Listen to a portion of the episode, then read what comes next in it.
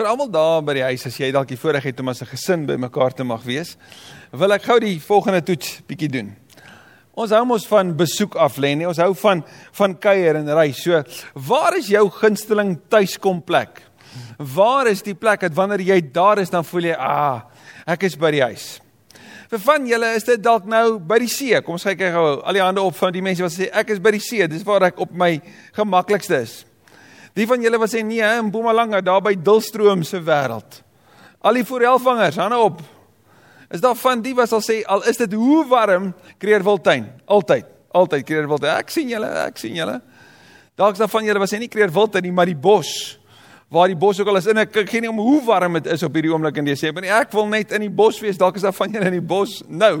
Moet net nie bos gaan nie, hoor? Die feit is wanneer ons tuis kom, dan dan voel ons of ons harte by 'n plek kan wees van rus. Ek wonder wie van ons sal sê ek kom tuis in die stad. Daar waar dit besig is, daar enige van julle vreemdsoortige mense? Dit is net so, nê, nee, dat ons tuiskoms is vir ons daar waar ons hart is, is waar ons huis is. En vandag gaan ons lees van van tuiskoms. En die die vraag sal wees, wanneer God besoek aflê, waar kom hy tuis? Al ooit daaroor gedink? Wel, vandag gaan ons lees van drie besoeke. Drie besoeke en veral een daarvan wat hierdie Kerstyd net vir ons so inkleer, wat vir ons help om te onthou dat wanneer God besoek af lê, dan kom hy om te bly. So as jou Bybel dalk naby is, ons gaan lees uit Lukas uit, die Evangelie van Lukas, daardie eerste hoofstuk vanaf vers 26 en die opskrif is die geboorte van Jesus word aangekondig. In die 6de maand van Elisabet se swangerskap, het God die engel Gabriël gestuur na 'n maagd in Nasaret, 'n dorp in Galilea. Sy was verloof aan Josef, 'n man uit die geslag van Dawid. Die naam van die maagd was Maria. Toe die engel by haar kom, sê hy: "Ek groet jou, begenadigde. Die Here is by jou." Sy was verbuisterd oor die woorde en het gewonder wat die begroeting tog kon beteken. Die engel sê toe vir haar: Moenie bang wees nie, Maria, want God bewys genade aan jou.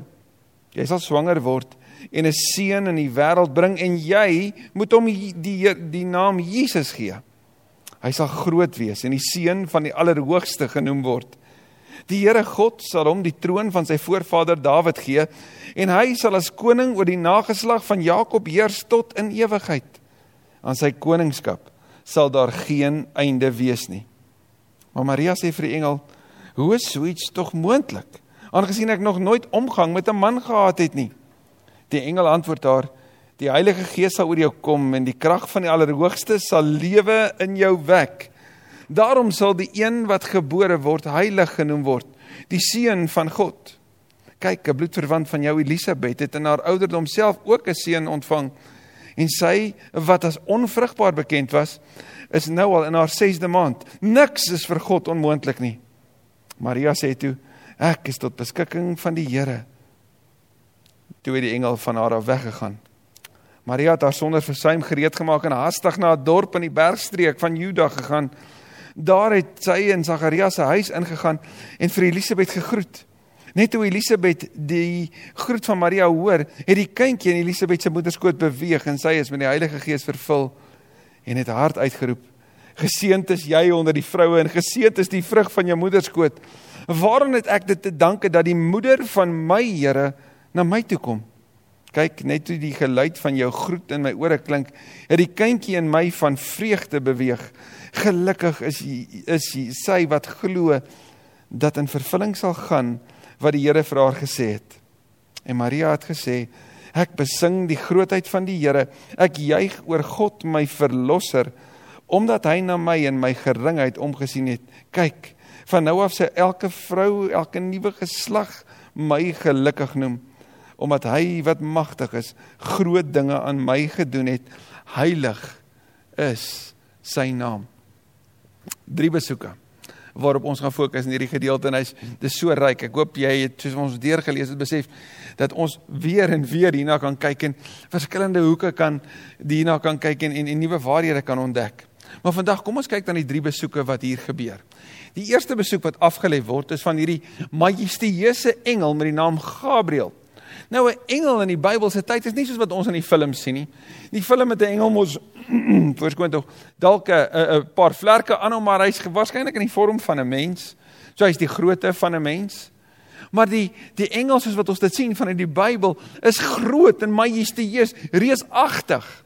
So wanneer hierdie engel voor haar verskyn en dis Gabriël. Dink net wat se angs sou hierdie jong meisie beleef het.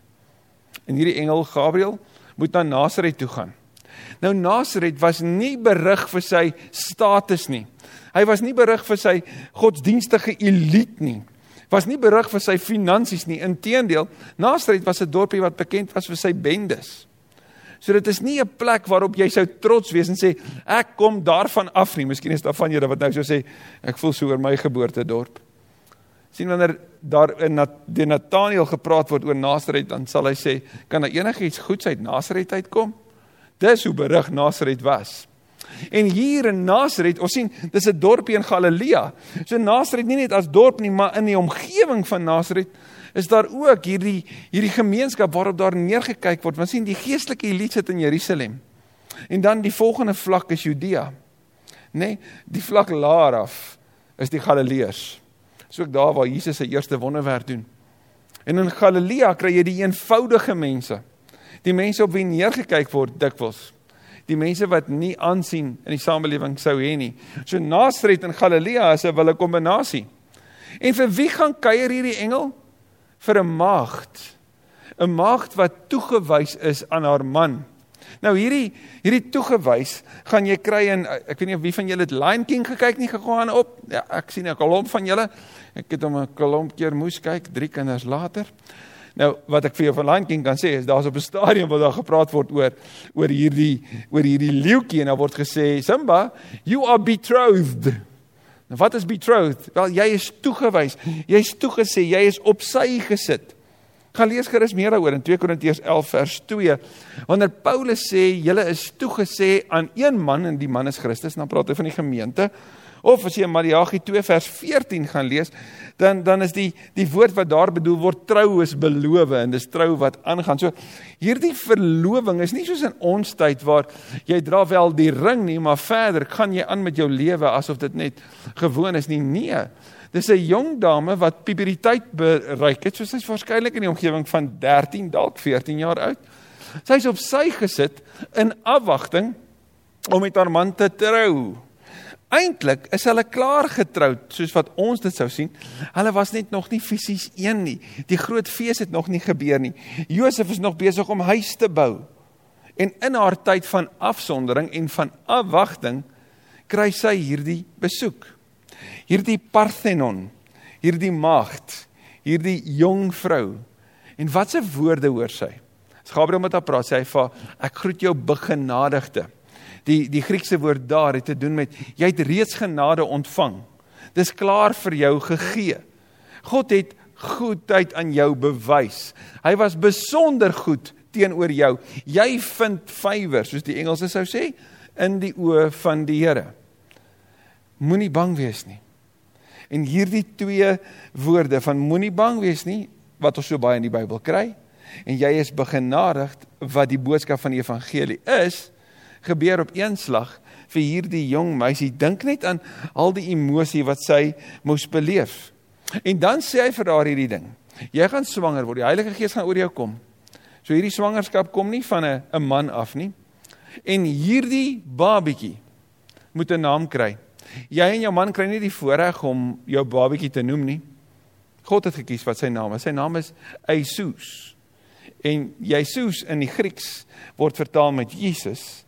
En as jy dit in die Hebreë sou sê, sou dit wees Yeshua wat beteken redder. En daarom is Jesus altyd die redder. As daar na hom verwys word, is dit die een wat sy volk kom red het. Jesus, die redder.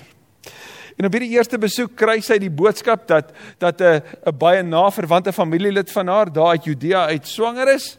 Elisabeth wat sy geken het en geweet het sy is al oud, so sy sou nie kon swanger word nie, maar daar's ook vir Elisabeth goeie nuus gewees. En sy is al 6 maande swanger. So Maria besluit onmiddellik om daarheen te gaan. Nou om van Nasaret af na die bergstreek in Judea te beweeg, sou beteken dat sy as 'n jong meisie alleen daai pad aangedurf het. Jy het nooit alleen gereis nie. Maar eers was die boodskap dat die verlosser in haar gebore is vir haar genoeg om vol moed en sonder vrees na Juda toe te gaan. Daar word nie eers gesê dat sy met Josef gepraat het nie. Sy het eers met hom gedeel oor haar besoek of oor haar planne om te gaan nie. Sy het net wegbeweeg. Stel jouself voor as Josef haar sou kom soek het. Maar hy het mos huis gebou nie waar nie? Sy was mos op sy gesit nie waar nie? En so is sy op pad na Elisabet toe en so kry ons die tweede besoek. Nadat Maria soos 'n slaaf geantwoord het, ek is tot beskikking van die Here. Dis die woorde van 'n slaaf. Dan gaan sy dadelik vol geloof en haar eerste eerste beweging is om na Elisabet toe te gaan. En wanneer sy by Elisabet kom daar in in 'n stad van Juda, dan dan is die eerste ding wat Elisabet beleef is dat die babatjie binne na wat nou al 6 maande oud is dat Johannes beweeg. En vir haar is daar hierdie oortuiging, hierdie openbaring as jy wil, dat haar Here gebore gaan word. En dan spreek sy vir Maria 'n seënwoord uit wat die woorde van die eerste besoek bevestig. Hoe gelukkig is ek, hoe bevoorreg is ek dat die moeder van my Kurie, my Here, En en as jy dit in die Ou Testament sou lees van Jahwe dat die moeder van my Here na my toe gekom het. Onmiddellik deur hulle 'n 'n wonderlike verhaal in hierdie huis van Sagaria met hierdie vrou van hom wat op so hoë ouderdom swanger geword het. Haar besoek het 'n wonderlike gevolg en 'n pragtige getuienis. Jahwe is hier. Die die die die die verlosser gaan gebore word. Hierdie eerste besoek is is opgevolg deur 'n tweede besoek wat die eerste een bevestig het. Maar tussen die eerste besoek en die tweede besoek sien ons vanuit die getuienis van die tweede besoek dat die derde besoek gebeur het.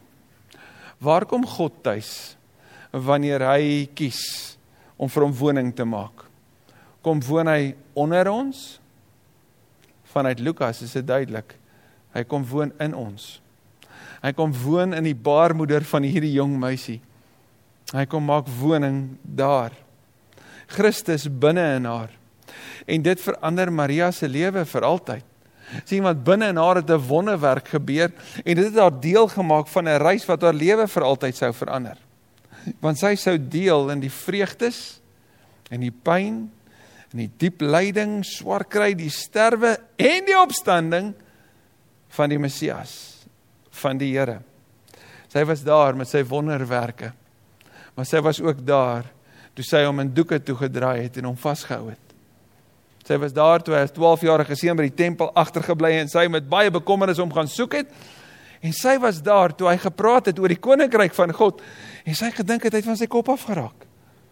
Toe sy hom daar gaan haal het of wou gaan haal het. Sy was daar toe Jesus gesê het sy is nou deel van 'n nuwe familie. Johannes se familie wanneer hy sterf. Maar sy het ook beleef.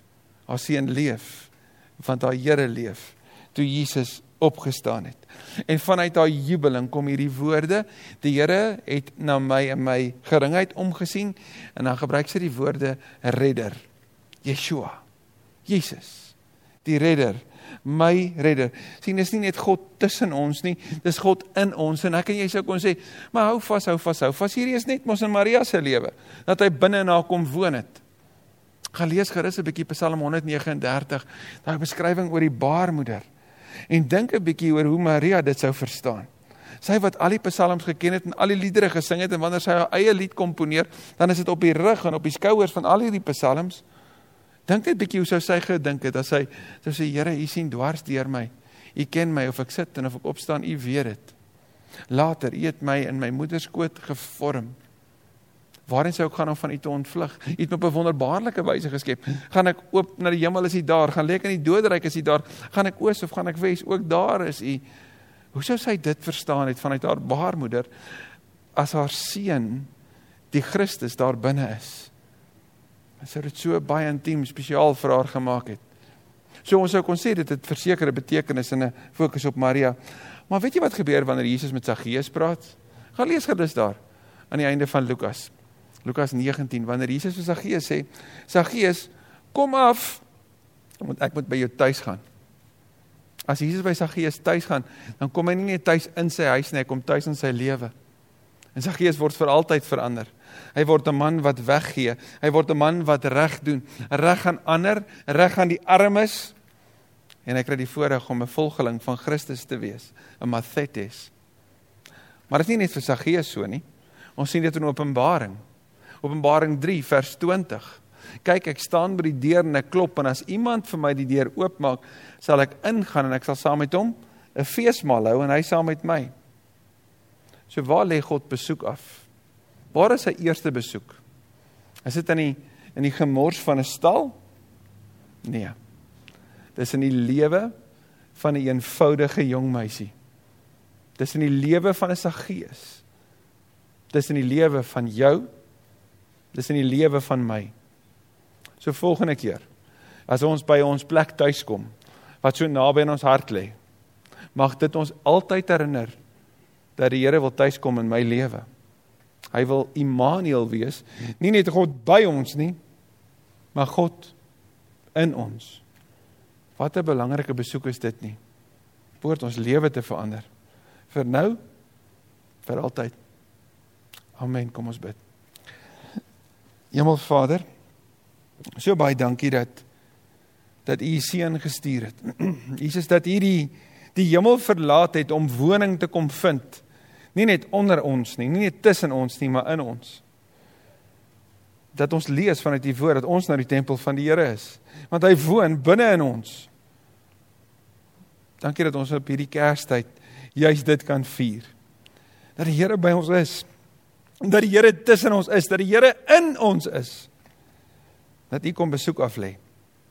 Ek wil vandag bid vir hulle wat nog nie weet wat dit beteken dat die Here in jou lewe in kom en alles verander nie. Ek wil bid dat hulle die waagmoed sal hê die deur van hulle lewe oop te maak. Dat U sal inkom. Dat daar feesmaal gehou word. Hierdie Kerstyd as ons die voorreg het om om feestafels te mag sit. As ons die voorreg het, bid ek dat ons sal onthou U sit saam. U breek brood saam. Dat ons sal vier die Here is hier. Wat 'n kosbare geskenk wat 'n ewige hoop. Ons bid dit in die naam van Jesus die Here. Amen.